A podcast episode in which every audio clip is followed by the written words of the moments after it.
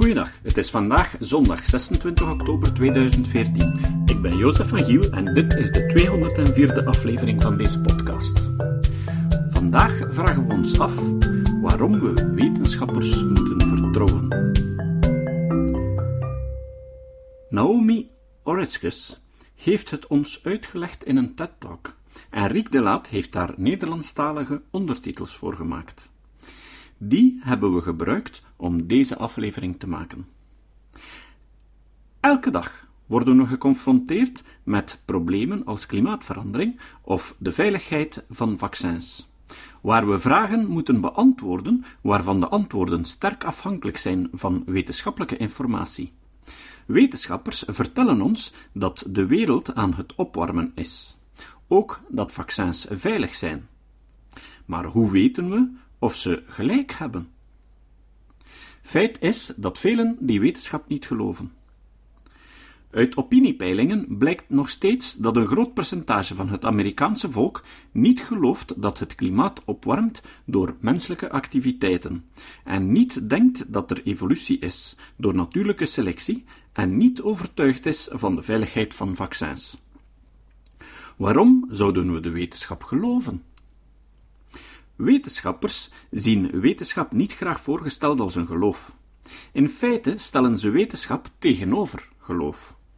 Ze zeggen dat geloof thuis hoort bij religie. En dat geloof is iets anders dan wetenschap. Ze vinden dat religie gebaseerd is op dat soort geloof of misschien op Pascals gok. Blaise Pascal was een 17e-eeuwse wiskundige die een wetenschappelijk antwoord probeerde te geven op de vraag of hij in God moest geloven. Hij gokte als volgt: Als God niet bestaat, maar ik besluit om in hem te geloven, is er echt niet veel verloren. Misschien een paar uur op zondag. Maar als hij bestaat en ik niet in hem geloof, dan kom ik zwaar in de problemen. En dus zei Pascal dat we maar beter in God konden geloven. Of zoals een van mijn professoren zei: Hij greep de houvast van het geloof. Hij maakte een geloofsprong en liet wetenschap en rationalisme voor wat ze waren. Feit is dat voor de meesten van ons de meeste wetenschappelijke claims een geloofssprong vragen. We kunnen wetenschappelijke claims meestal niet zelf beoordelen. Dit geldt eigenlijk ook voor de meeste wetenschappers als het buiten hun eigen specialisatie valt. Als je erover nadenkt, kan een geoloog niet vertellen of een vaccin veilig is. De meeste chemici zijn geen experts in evolutietheorie. Een natuurkundige kan, ondanks de beweringen van een aantal onder hen, je niet vertellen of tabak kanker veroorzaakt. Als zelfs wetenschappers buiten hun eigen gebied een geloofsprong moeten maken, waarom accepteren ze dan de beweringen van andere wetenschappers? Waarom geloven ze dan elkanders claims? Waarom zouden wij die claims moeten geloven? Ik wil ervoor pleiten dat we dat moeten, maar niet om de reden waar de meeste mensen aan denken. We hebben op school geleerd dat we in de wetenschap moeten geloven omwille van de wetenschappelijke methode. We hebben geleerd dat wetenschappers een methode volgen en dat deze methode de waarheid van hun beweringen garandeert. De methode die de meesten van ons op school geleerd hebben, kunnen we de handboekmethode noemen. Het is de hypothetisch-deductieve methode. Volgens het standaardmodel, het handboekmodel, ontwikkelen wetenschappers hypothesen, leiden ze de gevolgen van deze hypothesen af, proberen ze ze uit in de praktijk en zeggen: Komt mijn voorspelling uit? Kunnen we het zien gebeuren in de natuurlijke wereld? Als ze waar zijn, zeggen de wetenschappers: Geweldig, we weten dat de hypothese juist is. In de geschiedenis van de wetenschap vind je veel beroemde voorbeelden waarbij wetenschappers precies dit doen. Een van de bekendste voorbeelden komt uit het werk van Albert Einstein. Toen Einstein de algemene relativiteitstheorie ontwikkelde, was een van de gevolgen van zijn theorie dat de ruimtetijd niet zomaar lege ruimte was, maar dat ze gestructureerd was. En dat die structuur vervormd werd door massieve objecten zoals de zon. Als zijn theorie juist was, dan betekende dat dat het licht afgebogen zou moeten worden als het langs de zon passeerde. Dat was een vrij verrassende voorspelling en het duurde een paar jaar voordat wetenschappers in staat waren om ze te testen. Dat gebeurde in 1919 en ze bleek nog waar te zijn ook. Sterrenlicht buigt af als het langs de zon passeert. Dat was een enorme bevestiging van de theorie. Het werd beschouwd als bewijs van de waarheid van dit radicaal nieuwe idee. Het werd in vele kranten over de hele wereld vermeld. Soms wordt deze theorie het deductief-nomologische model genoemd. Academici zeggen de dingen nu eenmaal graag een beetje moeilijk. Maar het gaat in het ideale geval ook om wetten. Nomologisch wil zeggen dat het met wetten te maken heeft. In het ideale geval is de hypothese niet alleen zomaar een idee. In het ideale geval is het een natuurwet. Waarom is dat belangrijk? Als het een wet is, kan ze niet gewoon worden gebroken. Als het een wet is, moet ze altijd waar zijn. Altijd en overal. Maakt niet uit wat de omstandigheden zijn. Jullie kennen allen tenminste één voorbeeld van zo'n wet. Einsteins beroemde formule E is m mal c kwadraat. Die ons vertelt wat de relatie is tussen energie en massa. Die relatie geldt altijd en overal. Nu blijkt echter dat er verschillende problemen zijn met dit model. Het grootste probleem is dat het verkeerd is. Het is gewoon niet waar. Ik haal drie redenen aan waarom het verkeerd is. De eerste reden is een logische reden. Het is het probleem van de drogreden, bevestiging door de consequentie. Dat is weer zo'n leuke academische manier om te zeggen dat valse theorieën juiste voorspellingen kunnen doen. Dat een voorspelling uitkomt, is nog geen logisch bewijs dat de theorie klopt. Een goed voorbeeld komt ook weer uit de geschiedenis van de wetenschap. In het Ptolemaïsche universum staat de aarde in het midden, terwijl de zon en de planeten er ronddraaien. Het Ptolemaïsche model werd vele eeuwen lang door veel heel slimme mensen geloofd. Waarom? Omdat het veel voorspellingen maakte die uitkwamen. Het Ptolemaïsche systeem liet astronomen toe planetenbewegingen nauwkeurig te voorspellen. In feite gaf het aanvankelijk zelfs nauwkeurigere voorspellingen dan de Copernicaanse theorie, waarvan we nu zeggen dat ze waar is. Dat is één probleem van het leerboekmodel. Een tweede probleem is een praktisch probleem, het probleem van de hulphypothese. Hulphypothesen zijn aannamen die wetenschappers maken, terwijl ze er zich soms niet bewust van zijn dat ze ze maken.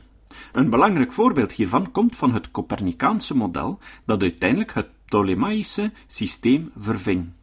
Toen Nicolaus Copernicus zei dat de aarde niet het centrum van het universum was, maar dat de zon het centrum was van het zonnestelsel en de aarde om de zon bewoog, zeiden andere wetenschappers Oké, Nicolaus.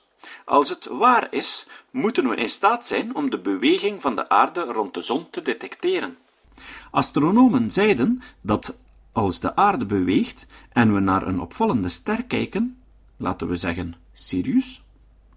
Ik weet wel dat jullie in Brussel of Amsterdam geen sterren kunnen zien, maar stel je voor dat je op de buiten bent.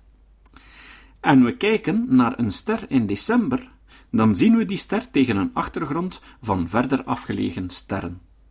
Als we nu zes maanden later dezelfde observatie maken, als de aarde in juni naar deze positie is verplaatst, dan zien we dezelfde ster tegen een andere achtergrond. Dat hoekverschil noemen we de stellaire parallax. Dat is een voorspelling van het Copernicaanse model. Astronomen zochten naar die stellaire parallax, maar ze vonden niets. Helemaal niets. En veel mensen betoogden dat dit bewees dat het Copernicaanse model vals was. Maar wat was het geval? Achteraf kunnen we zeggen dat de astronomen twee hulphypothesen maakten. Beide incorrect, zoals we nu weten. De eerste was een aanname over de grootte van de aardbaan. Astronomen veronderstelden dat de baan van de aarde groot was ten opzichte van de afstand tot de sterren. In feite is de baan van de aarde echter heel klein ten opzichte van de afstand tot de sterren, en bij gevolg is de stellaire parallax zeer klein en zeer moeilijk te detecteren. Dat leidt tot de tweede reden waarom de voorspelling niet werkte. De wetenschappers veronderstelden ook dat hun telescopen gevoelig genoeg waren om de parallax te detecteren. En ook dat bleek niet waar te zijn. Pas in de 19e eeuw konden wetenschappers de stellaire parallax aantonen. Er is nog een derde probleem. Het derde probleem is gewoon het feit dat veel van de wetenschap niet past in het leerboekmodel. Veel wetenschap is helemaal niet deductief, maar inductief. We bedoelen dat wetenschappers niet per se beginnen met theorieën en hypothesen. Vaak beginnen ze gewoon met waarnemen van wat er gebeurt in de wereld. Het bekendste voorbeeld daarvan is Charles Darwin, een van de beroemdste wetenschappers ooit. Toen Darwin als jonge man op reis ging met de Beagle, had hij geen hypothese en geen theorie. Hij wist alleen dat hij een carrière als wetenschapper wilde en begon gegevens te verzamelen. Hij wist vooral dat hij geneeskunde haatte. Hij kon niet tegen bloed en wilde een alternatieve carrière. Hij begon met het verzamelen van gegevens. Hij verzamelde van alles, waaronder ook zijn beroemde vinken. Toen hij deze vinken verzamelde, gooide hij ze in een zak zonder enig idee te hebben van hun betekenis. Vele jaren later, terug in Londen, bekeek Darwin zijn gegevens opnieuw en begon er een uitleg voor te ontwikkelen. De uitleg was de theorie van de natuurlijke selectie. Naast inductieve wetenschap maken wetenschappers ook vaak modellen. Wat ze in de eerste plaats willen, is de oorzaken van dingen verklaren. Hoe doen ze dat? Eén manier is een model bouwen om een idee uit te testen. Henry Cadell was een Schotse geoloog uit de 19e eeuw. Cadell wilde weten hoe bergen gevormd worden. Hij had opgemerkt dat als je naar bergen zoals de Appalachen kijkt, je vaak ziet dat de rotsen erin op een bepaalde manier opgevouwen lijken. Dit gaf hem het idee dat ze vanaf de zijkant samengedrukt waren. Dit idee zou later een belangrijke rol spelen bij discussies over continentale drift. Hij bouwde een model, een gek ding met hendels en hout. Met dit fysisch model kon hij aantonen dat je in rotsen of in modder patronen kon maken die veel leken op bergen als je het van opzij samendrukte. Het was een argument over de oorzaak van bergen. Tegenwoordig werken de meeste wetenschappers liever binnen huis. Ze bouwen niet zo vaak meer fysische modellen. Ze doen het met computersimulaties. Maar ook een computersimulatie is een soort van model. Het is een wiskundig model, en net als de fysische modellen van de 19e eeuw is het erg belangrijk voor het denken over oorzaken. Een van die grote vragen gaat over de klimaatverandering. We hebben enorme hoeveelheden bewijs dat de aarde aan het opwarmen is. Uit metingen van de laatste 150 jaar blijkt dat de temperatuur van de aarde gestaag is toegenomen. In het bijzonder, in de laatste 50 jaar hadden we een dramatische toename van bijna 1 graad Celsius. Wat veroorzaakt deze verandering?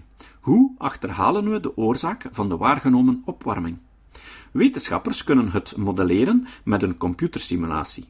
Zo zijn er computersimulaties die rekening hielden met de verschillende factoren waarvan we weten dat ze het klimaat op aarde beïnvloeden, zoals sulfaatdeeltjes van luchtvervuiling, vulkanisch stof van vulkanische uitbarstingen, verandering in zonnestraling en natuurlijk broeikasgassen.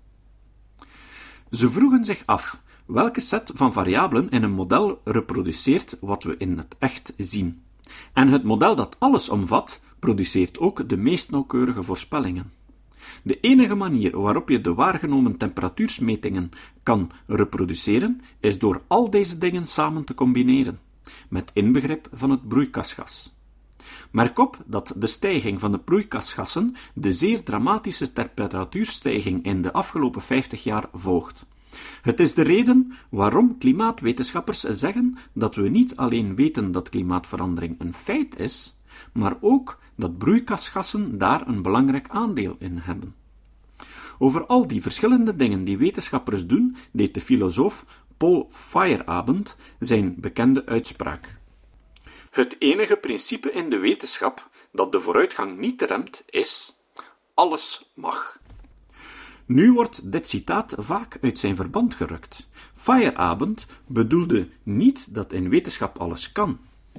Hier komt dan ook het volledige citaat. Als u me prest om te zeggen wat de methode van de wetenschap is, moet ik zeggen: alles mag. Wat hij wilde zeggen, is dat wetenschappers veel verschillende dingen doen. Wetenschappers zijn creatief. Maar dan kaatst deze vraag de bal terug. Als wetenschappers geen bepaalde methode gebruiken, hoe beslissen ze dan wat juist is en wat fout? En wie beoordeelt dat? En het antwoord is wetenschappers. En zij oordelen door naar het bewijsmateriaal te kijken. Wetenschappers verzamelen op allerlei manieren bewijsmateriaal. Maar hoe ze het ook verzamelen, het moet aan controle worden onderworpen. Dit bracht de socioloog Robert Merton ertoe zich bezig te houden met de vraag hoe wetenschappers gegevens en bewijzen onderzoeken. Hij zei dat ze het doen door georganiseerd scepticisme. Hij bedoelde dat het georganiseerd is omdat ze het collectief doen. Ze doen het als groep. En scepticisme omdat ze het doen vanuit de positie van wantrouwen. Dat wil zeggen, de bewijslast ligt bij de persoon met een nieuwe claim. In deze zin is wetenschap intrinsiek conservatief. De wetenschappelijke gemeenschap zal niet vlug zeggen: Ja, we weten iets, het is waar. Ondanks de populariteit van het concept van paradigmaverschuiving, zien we dat echte grote veranderingen in het wetenschappelijk denken relatief zeldzaam zijn in de geschiedenis van de wetenschap. Dat brengt ons bij nog een idee. Doordat wetenschappers bewijs collectief beoordelen, zijn historici zich gaan bezighouden met de vraag van consensus. Uiteindelijk is wetenschap wetenschappelijke kennis, de consensus van wetenschappelijke deskundigen die door dit proces van georganiseerde collectieve controle het bewijsmateriaal hebben beoordeeld en tot een conclusie gekomen? Ofwel ja, ofwel nee. Dus kunnen we aan wetenschappelijke kennis denken als aan een consensus van deskundigen. We kunnen de wetenschap ook zien als een soort jury, maar dan een heel speciaal soort jury. Het is geen jury van collega's, maar een jury van geeks. Het is een jury van mannen en vrouwen met een dokterstitel. En in tegenstelling tot een conventionele jury, die slechts twee keuzes heeft, schuldig of niet schuldig, heeft de wetenschappelijke jury in feite meerdere keuzes. Wetenschappers kunnen zeggen: ja, iets is waar. Ze kunnen ook zeggen: nee, het klopt niet. Of: goed, het kan waar zijn, maar we moeten er nog wat aan werken en meer bewijsmateriaal verzamelen. Ofwel, het zou waar kunnen zijn, maar we zijn er nog niet uit, houden het even in beraad en komen er later misschien op terug. Dat is wat wetenschappers onbehandelbaar noemen. Maar dit leidt ons naar een laatste probleem. Als wetenschap is wat wetenschappers zeggen dat het is, gebruiken ze dan niet gewoon een gezagsargument? En leerden we niet op school dat het gezagsargument een logische denkfout is? Hier heb je de paradox van de moderne wetenschap. De paradox van de conclusie waartoe historici, filosofen en sociologen zijn gekomen om te zeggen dat wetenschap wel beroep doet op autoriteit, maar niet op het gezag van het individu. Hoe slim die persoon dan ook mag zijn, zoals een Plato, Socrates of Einstein, het is het gezag van de collectieve gemeenschap. Je kan eraan denken als een soort wijsheid van de menigte, maar een zeer speciaal soort menigte. Wetenschap doet beroep op autoriteit, maar niet gebaseerd op één individu. Het maakt niet uit hoe slim die persoon kan zijn. Het is gebaseerd op de collectieve wijsheid, de collectieve kennis, het collectieve werk van alle wetenschappers die eraan hebben gewerkt. Wetenschappers hebben een cultuur van collectief wantrouwen. Een toon me het aan cultuur. Dat brengt me bij mijn laatste punt. We staan s morgens op en vertrouwen op onze auto. Voor Brussel is dit een slechte analogie, maar de meeste Belgen en Nederlanders die niet in Brussel wonen, springen s morgens in hun auto, starten ze en hun auto's werken. Ze werken zelfs ongelooflijk goed. De moderne auto laat het zelden afweten. Waarom? Waarom doen auto's het zo goed? Niet door het genie van een Henry Ford, Karl Benz of zelfs Elon Musk. Maar omdat de auto het product is van meer dan honderd jaar werk van honderden, duizenden, tienduizenden mensen. De moderne auto is het product van het verzamelde werk, wijsheid en ervaring van iedere man en vrouw die ooit aan een auto hebben gewerkt. De betrouwbaarheid van de technologie is het resultaat van de geaccumuleerde inspanning.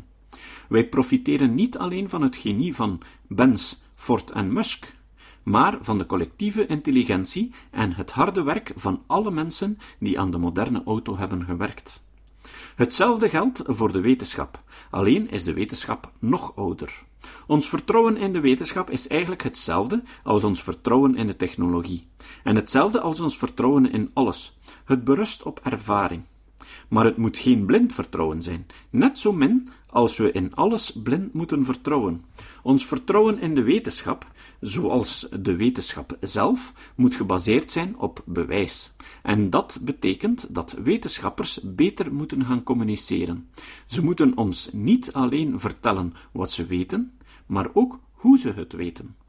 Het betekent dat wij betere luisteraars moeten worden. Het citaat.